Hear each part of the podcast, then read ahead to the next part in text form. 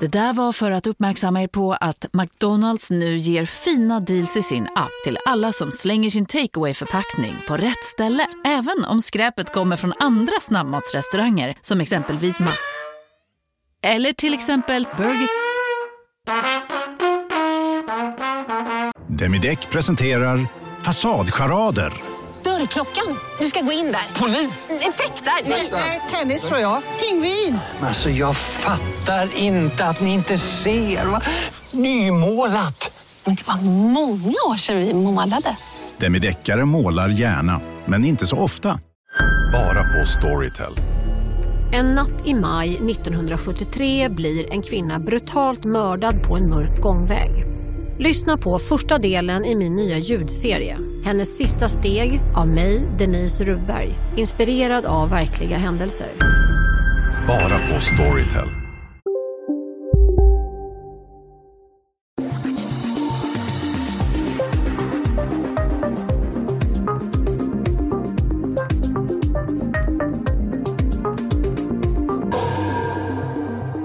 Norra Öland. En vacker plats där alla känner alla. Men helt plötsligt vänds allt upp och ner. 2005 står ett hus i lågor och en 54-årig man brinner inne. Och det är bara början. Fler hus skulle brinna och fler människors liv skulle tas. Den trygga tillvaron på semesterön går i kras. Det går snart upp för människorna där att det går en mördare bland dem. Kanske är det grannen. Kanske är det brevbäraren. Kanske är det till och med ens bästa vän. Stämningen förändras och rädslan griper tag om byborna. Ingen vill ju bli gärningsmannens nästa offer.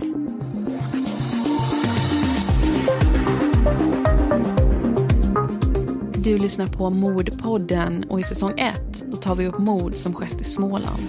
Och i veckans avsnitt så ska du få höra berättelsen om mordbränderna på norra Öland.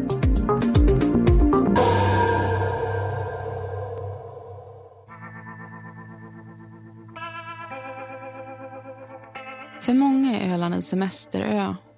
Hit åker man för att se ut över de stora vidderna på allvaret. Eller för att cykla längs de långa och snirkliga strandvägarna som kantas av vallmo och raps. Men här finns också en vardag. Barn som ritar med kritor på asfalten utanför husen. Människor på väg in till sina jobb inne i stan. Och grannar som hälsar glatt på varandra nere vid fiskestugorna. Men år 2005 skulle norra Ölands tillvaro komma att förändras. Den 8 mars stiger svart rök upp mot den blå himlen. Det brinner i jätterum byxelkrok. Och i askan av de rester som en gång var ett boningshus så finner man kvarlevorna av en 54-årig man. Men man vet inte hur branden startade och kroppen är för skadad för att fastställa en dödsorsak. Men ordet mordbrand viskas bland byborna. Och det skulle snart visa sig att den där branden var startskottet för allt det där otäcka som skulle hålla norra Ölands invånare i ett grepp av skräck de nästkommande åren. Lasse är uppvuxen på norra Öland i ett litet samhälle där alla känner alla. Här bor också Lasses tre närmsta vänner Gustav, Annika och Magnus. Gustav och Annika är gifta och har ett hus i Flakeböle ett par kilometer ifrån Byxelkrok. Gustav har jobbat på sjön sedan han var ung och Annika är kock. Tillsammans har de också en hund, Sasso, som Lasse brukar busa med när han hälsar på sina vänner. Lasse och Gustav har känt varandra sedan tonåren och de har både jobbat tillsammans och varit ute och fiskat en hel del. Gustav, som är två år äldre än Lasse, har i Lasses ögon alltid varit snäll och givmild. Men Lasses bästa vän är ändå Magnus, Gustavs lillebror. Magnus och Lasse har hängt ihop sedan Magnus flyttade till Byxelkrok. De fann varandra med en gång och nere vid sjöstugan har de varit på många fester under sin ungdom. Lasses mamma och hennes sambo har även de ett hus i Jätterum Byxelkrok. Samma hus som Lasse en gång växte upp i. Bredvid det vita huset står en bensinmack som även den ägs av familjen. Lasse brukade jobba där när han var ung och platsen blev därför en naturlig samlingspunkt för honom och hans vänner. Idag har de gamla vännerna lämnat ungdomen bakom sig men de flesta bor kvar här på norra Öland. Lite utspridda, men ändå nära varann. Själv har Lasse tre barn och en sambo. Han arbetar som snickare när det finns jobb och hjälper ofta sina vänner och grannar med renoveringar och takbyten.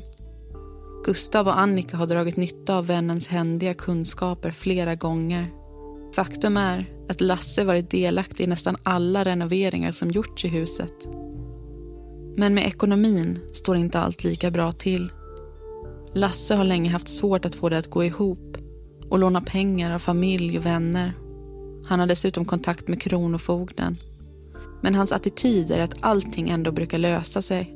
Det har det ju alltid gjort innan. Så varför skulle det bli annorlunda nu? Men ungefär ett år efter branden i Jätterum, under sensommaren 2006, börjar svart rök än en gång att leta sig upp mot himlen. Det brinner återigen på norra Öland. Ett vitt hus som står intill en bensinmack står nu i lågor. Det brinner i Lasses föräldrahem. När branden är släckt finns det inte mycket kvar av huset som en gång stod där. Förkolnade rester ligger utspridda över stentrappan som en gång ledde upp till ytterdörren. Snart finner man också det man inte vill. Två kroppar i ruinerna av deras eget hem. Lasses mamma och hennes sambo har brunnit inne. Viskningarna i byn tilltar nu ännu en gång. Vad var det egentligen som hade hänt? När obduktionen har genomförts så kan man konstatera ytterligare en sak. Det var inte en olycka. Lasses mamma hade dött av branden själv. Men någon hade skärt halsen av hennes sambo redan innan den första lågan flammat upp. Vad som var ännu mer skrämmande var likheterna med branden som inträffade för ett år sedan. Lasses mamma var nämligen släkt med 54-åringen som brann inne i det första huset. Och trots att man inte kunnat fastställa att den branden var anlagd så fanns det många gemensamma detaljer med den här branden. Folket i byn började nu bli rädda. Finns det en pyroman på norra Öland? Mitt ibland de välkända ansiktena. Eller kanske var det ännu värre. En seriemördare.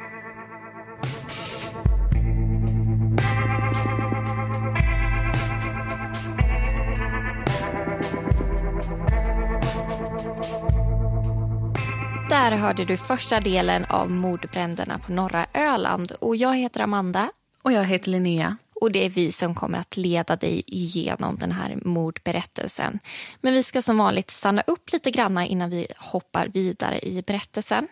Och Jag tycker vi ska prata lite om vad det här faktiskt gör med samhället Öland, de här bränderna. Jag kan tänka mig att det kommer en sån här misstänksamhet. Alltså, det, det är en liten bygd kan man säga, mm. även om det är flera egentligen. Och Människor är så nära varandra, alla känner alla. Och när det är någon mitt ibland dem som det skulle kunna vara som gör dem illa. Ja, för det är faktiskt så att man tror att det här är en seriemördare finns det ju misstankar om. Och det innebär ju att de här människorna tror att det här kanske kommer hända igen. Och det är någon i närheten som ligger bakom de här hemska sakerna. Mm. Det kommer ju lite med såna här, alltså jag tänker på misstänksamheten växer ju ofta till rykten. Mm. Och rykten på en sån liten plats kan göra väldigt, väldigt stor skada för människor. Ja, för det räcker ju att det blir en liten, liten fjäder och sen helt plötsligt har det blivit en höna och folk ja. tror att det är en person som kanske inte ens är inblandad. Och Då tycker jag att vi ska gå in lite på det som hände i Loftahammar som också ligger i Småland 2008. Ja, ja jag kommer faktiskt ihåg det här fallet. Och mm. Jag har för mig att det var en kvinna som skulle gå ut och gå med sin hund. Och Hon skulle gå på en kvällspromenad. Och Sen eh, kom hon faktiskt inte hem och hennes man som hon har varit gift med i 44 år blir jätteorolig för vad som kan ha hänt och går ut och letar efter henne. Och Då hör han något skrik och sen så springer han dit och sen hittar jag tror, han Det var sin... inget skrik, det var bara ett väldigt märkligt ljud han hörde. Jaha, var det så? Ja, ja det kan ha varit han, så. han gick dit för att liksom se vad det var. Ja, och så kommer han i alla fall fram och så hittar han sin fru död på marken. Och sen tar det också bara några timmar innan polisen faktiskt griper den här mannen och misstänker honom för att ha mördat sin egen fru. Mm, precis. Och han, han släpps ju sen. Mm. Eh, men hela Loftahammar tror ju att det är mannen som har gjort det. Mm. Så han har det ju inte lätt där hemma. Och sen ett och ett halvt år senare så går man in på andra spår. Om det inte var han, vad kunde ha hänt då? Då upptäcker man att det finns älgsaliv på kvinnans jacka. Mm. Det är alltså en älg som har ja, tagit död på kvinnan helt enkelt. Och mannen hade inte någonting med det att göra. Men det här är ju verkligen bevis på hur rykten i en sån här liten bygd eller en liten ort verkligen kan förstöra någons liv. Den här mannen fick begrava sin egen fru samtidigt som hela Loftahammar trodde att han hade mördat henne. Och precis som i Loftahammar så kommer även norra Öland snart att präglas av de här ryktena och det kommer faktiskt få konsekvenser. Och vilka konsekvenser, det ska ni få höra nu.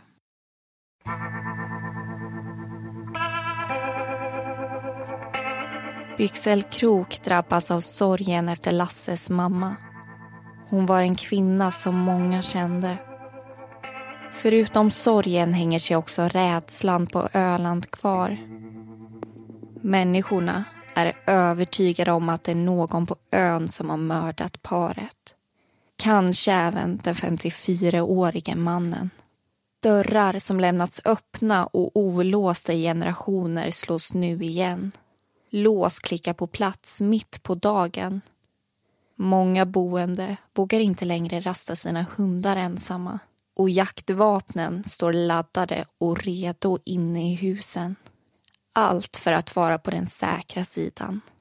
Någon finns ju där ute i skuggorna och denne någon tyckte uppenbarligen om att leka med elden och med människors liv. Sen händer något märkligt. Trots att bevisen brunnit upp så griper man en person för morden. Lasse. Norra Öland delas nu upp i två läger. De som tror att den snälle snickaren aldrig skulle ha gjort något så fasansfullt. Och de som tror att Lasse döljer en mörk sida och nu har haft ihjäl sin egen mamma. Lasse åtalas för morden och mordbranden och får i Kalmar tingsrätt berätta sin historia. En historia som han menar att han inte har någon del av. Han vet inte vem som mördade hans mamma. Men han vet att det inte var han. Lasse frikänns i tingsrätten och återvänder till sitt hem på norra Öland. Där möts han av delade åsikter. Vissa i grannskapet har till och med vittnat emot honom. Nu när han släpps är de rädda för sina liv. Tänk om det är han som är den skyldige. Lasse återgår till sitt liv och sitt arbete. Han får dessutom 275 000 kronor i skadestånd av staten. Ekonomin är räddad, i alla fall för stunden. Men bekantskapskretsen har blivit mindre. Lasse och hans sambo umgås nu i princip bara med sambons syster och hennes man. Men det finns också andra som stödjer Lasse. Hans vänner Gustav, Annika och Magnus är tre av dem. Åren går och några nya bränder hör man inte talas om. Men skvallret och viskningarna finns fortfarande kvar. Men den småländska semesterön få sig en till chock på Lucia-dagen 2012. Med bara elva dagar kvar till julafton försätts norra Öland ännu en gång i fasa. Det är morgonen den 14 december 2012. En man är på väg till busshållplatsen för att släppa av en person. Då märker han hur det ryker i Flakeböle. Mannen kör fram till huset vars garage redan står i lågor. Han ringer till SOS samtidigt som han bankar på dörren gång på gång. Finns det någon hemma så måste han väcka dem innan elden sprider sig. Innan det är för sent. Men ingen svarar. Och inga fotsteg hörs. När brandkåren kommer till platsen försöker de få elden under kontroll. De bryter sig in i huset för att se om det är någon där. Kanske har de tur att ingen är hemma. Men någonting står inte rätt till. Det luktar mat, men inte frukost, utan kvällsmat. I ugnen står en lufsa. En råriven ugnspannkaka och en typisk öländsk rätt. Men den är bara gräddad till hälften. Och på köksbänken står ingredienserna fortfarande ute. Brandmännen får en dålig känsla av det hela. Någonting måste ha hänt. Men det är inte inne i huset som de kommer finna svaren. När elden kvävts tar de sig in i det som är kvar av garaget. De ser något som liknar en hund ligga på marken. Och den är inte ensam. Magnus, Lasses bästa vän och Gustavs lillebror får ett samtal. Hans bror är död. Gustav och Annika ligger endast ett par meter ifrån varandra. Men de har slutat andas för länge sedan.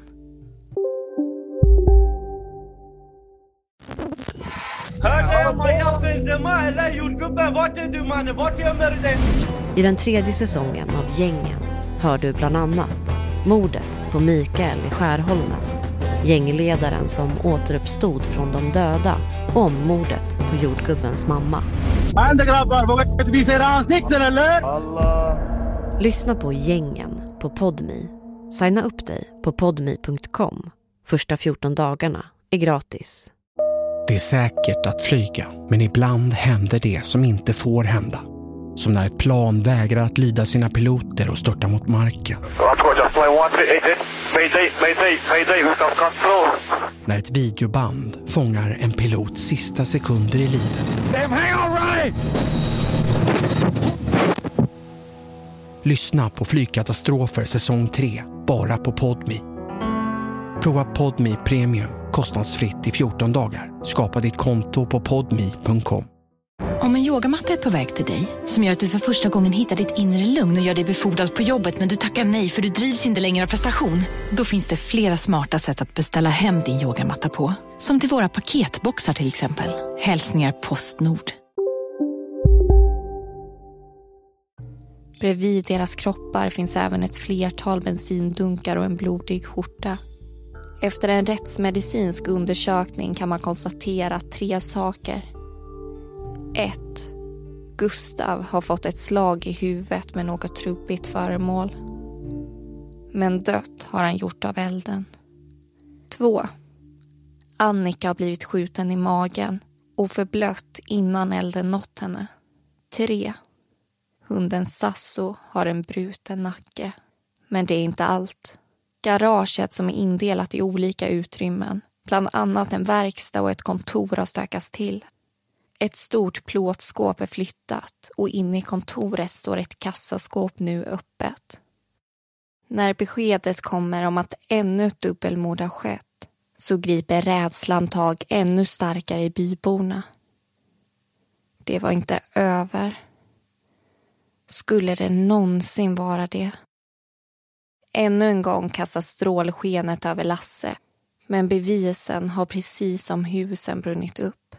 Det finns inga fysiska bevis som knyter honom till platsen eller till morden.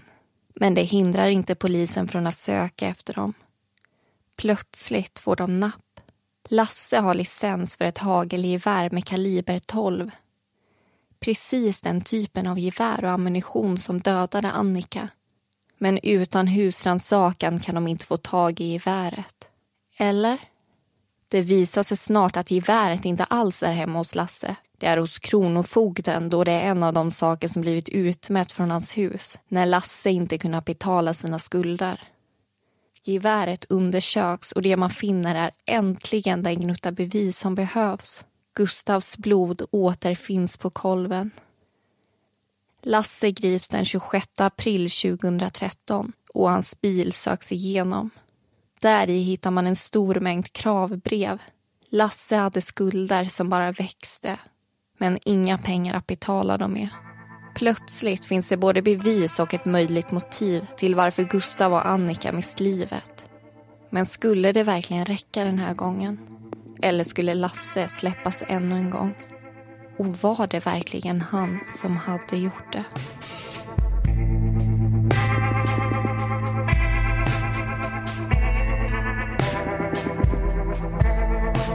Du lyssnar på Mordpodden och i säsong 1 då tar vi upp mord som skett i Småland.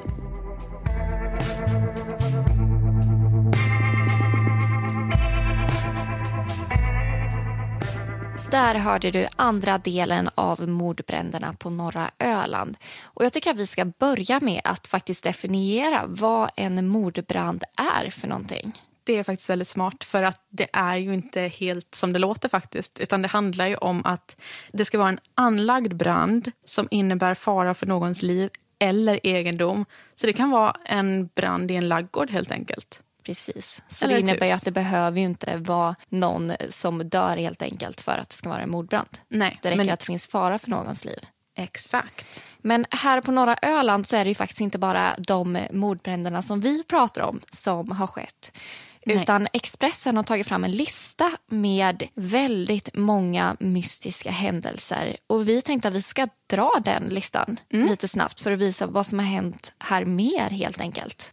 Ja, för förutom de här bränderna som vi kommer ta upp i det här avsnittet så händer det faktiskt någonting som börjar redan 2002 i mm. Grankulla på norra Öland.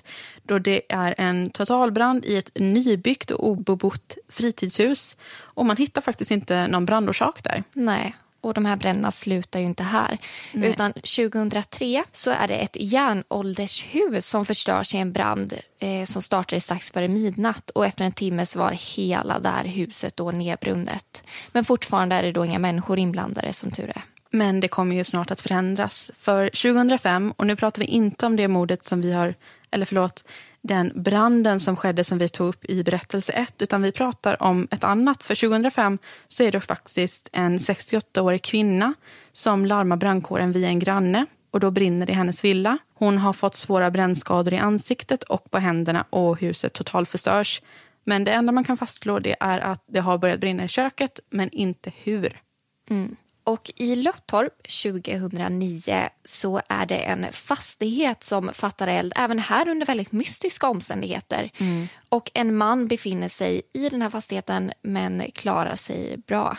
Och Det är faktiskt väldigt otäckt för redan året efter, nästan ett halvår efter, bara i januari 2010 så är det faktiskt en granne som larmar räddningstjänsten när det kommer upp rök från ett bostadshus. Och I de här brandresterna som man återfinner då återfinns också mannen som nästan omkom 2009. Och nu har han faktiskt omkommit. Och Det här är bara några exempel, för tyvärr så fortsätter ju den här listan och är ännu längre. Mm. Och Det här är ju en sammanfattning av en tioårsperiod. Vi pratar 2002 till 2012. Och Det som gemensamt händer under de här åren är att det är sex människor som omkommer i bränder på norra Öland. Det känns nästan som att det är lite lite för... Det är ganska osannolikt att ja. så många bränder händer på ett sånt litet geografiskt område ändå under så kort tid. Men sen får man inte glömma, det är ju inte att alla de här bränderna är anlagda. Det är många som har mystiska omständigheter ja. som kan uppstått i köket och vi får inte glömma det är väldigt torrt på Öland. Mm. Så man vet ju helt enkelt inte vad det är som har orsakat de här bränderna. Om det är någon som har gjort det eller om det har skett men det känns så intressant att prata om nu, för nu pratar vi om berättelser där det kan finnas en seriemördare på Öland, på norra Öland. Och alltså, det har hänt så mycket med just brandar att man blir ju fundersam på vad som egentligen borde kopplas till den här personen. Och när ska det här ta slut? Ja. Men om vi nu återgår till berättelsen så har ju Lasse precis blivit gripen. Men var det verkligen han som gjorde det och kommer han fällas den här gången? Gripandet av Lasse ledde till ett åtal även denna gång. Och under de kommande månaderna skulle man gå igenom alla aspekter av det som hade hänt på Lucia-dagen året innan. Polisen gräver i Lasses ekonomi, det som skulle kunna vara hans motiv. Och det de finner är oroväckande. Det hus som Lasse bor i tillsammans med sin sambo och deras tre barn är mycket högt belånat. Och sedan en betalning uteblivit så är lånet uppsagt och Lasse har nu kronofogden i hälarna. Han vill inte att sambon ska få reda på hur illa ställt det verkligen är. Därför förfalskar han hennes namnteckning på ett delgivningskvitto som talar om att deras bostad kan komma att säljas om pengarna inte kommer in snart. Polisen går vidare i utredningen och söker igenom Lasses mobil. Utifrån den försöker de bygga upp ett händelseförlopp för den där dagen då Annika och Gustav berövades livet. Flera av smsen är dock raderade i både Lasses och sambons mobiler och polisens ögonbryn höjs.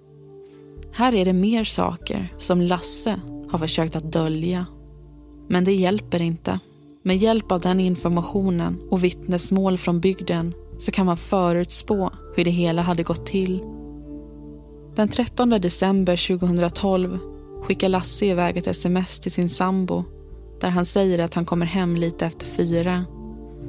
Men det gör han inte och sambon blir snart orolig och ringer till Lasse utan att få något svar. Hans mobil är avstängd.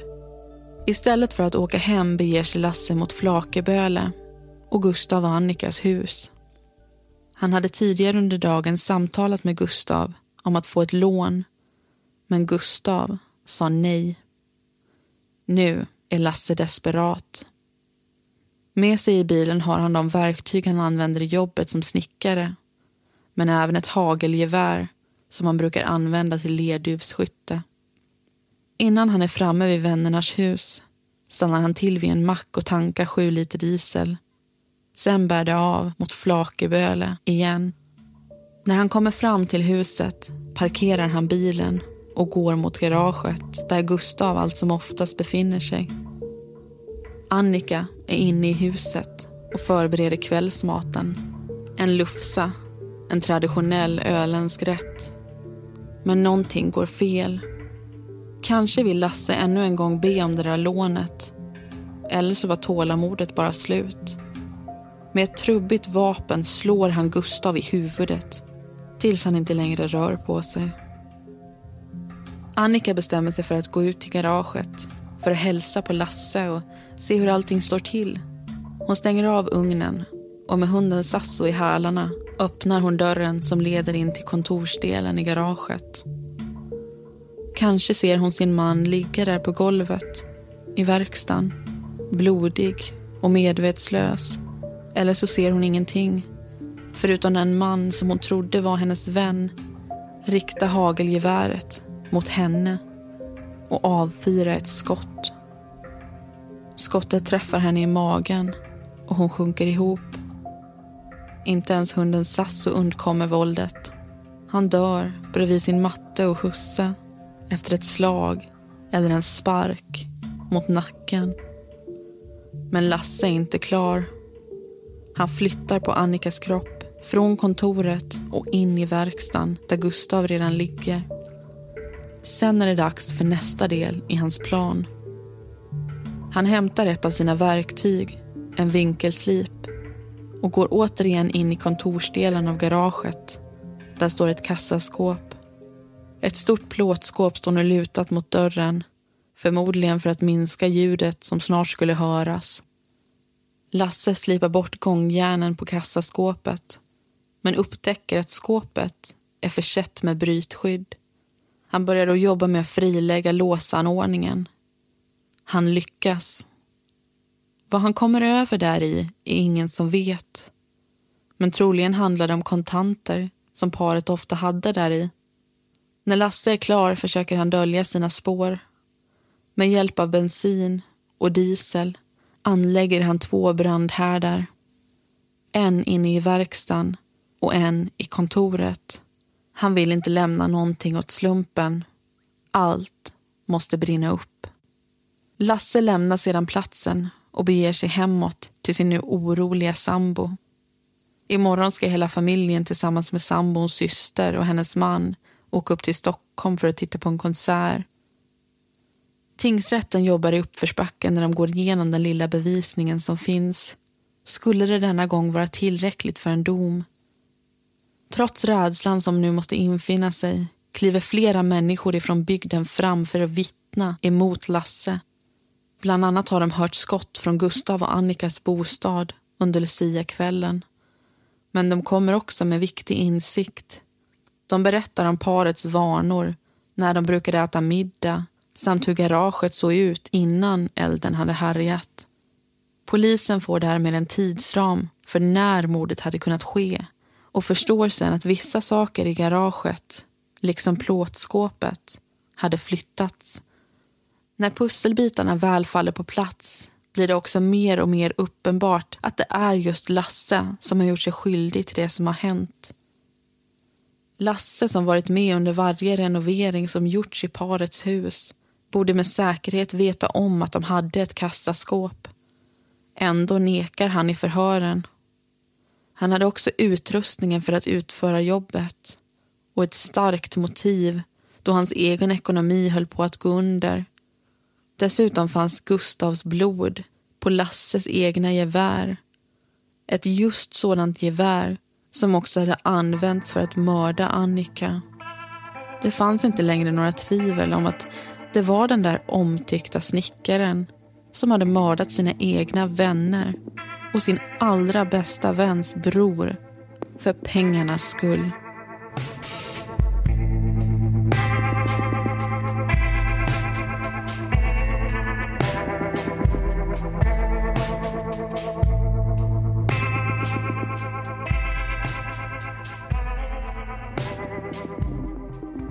Tingsrätten dömdes Lasse till livstidsfängelse för dubbelmordet på Gustav och Annika.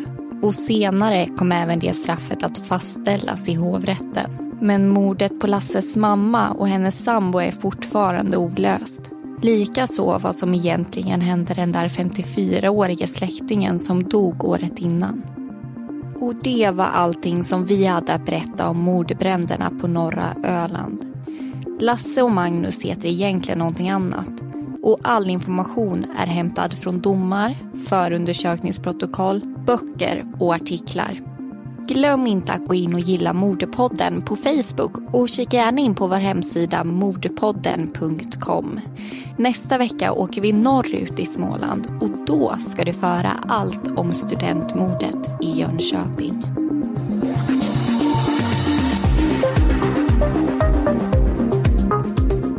Du har lyssnat på Mordpodden och vi som har gjort den heter Linnea Bolin och Amanda Karlsson. Bakgrundsmusiken den är gjord av Kevin MacLeod och heter Lasting Hope och Lightless Dawn.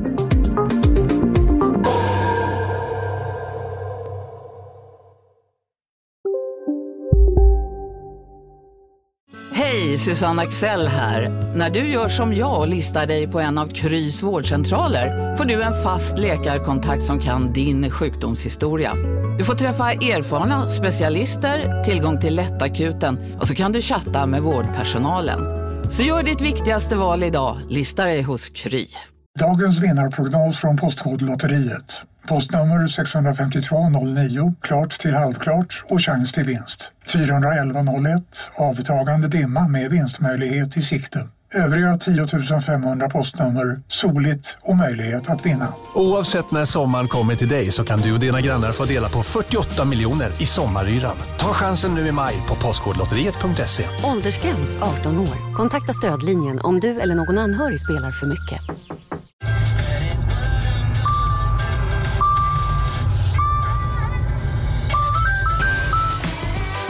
Dags att fylla på tanken. Stanna på Circle K så får du 50 öre rabatt per liter på dina tre första tankningar när du blir medlem. Vi ses på Circle K i sommar.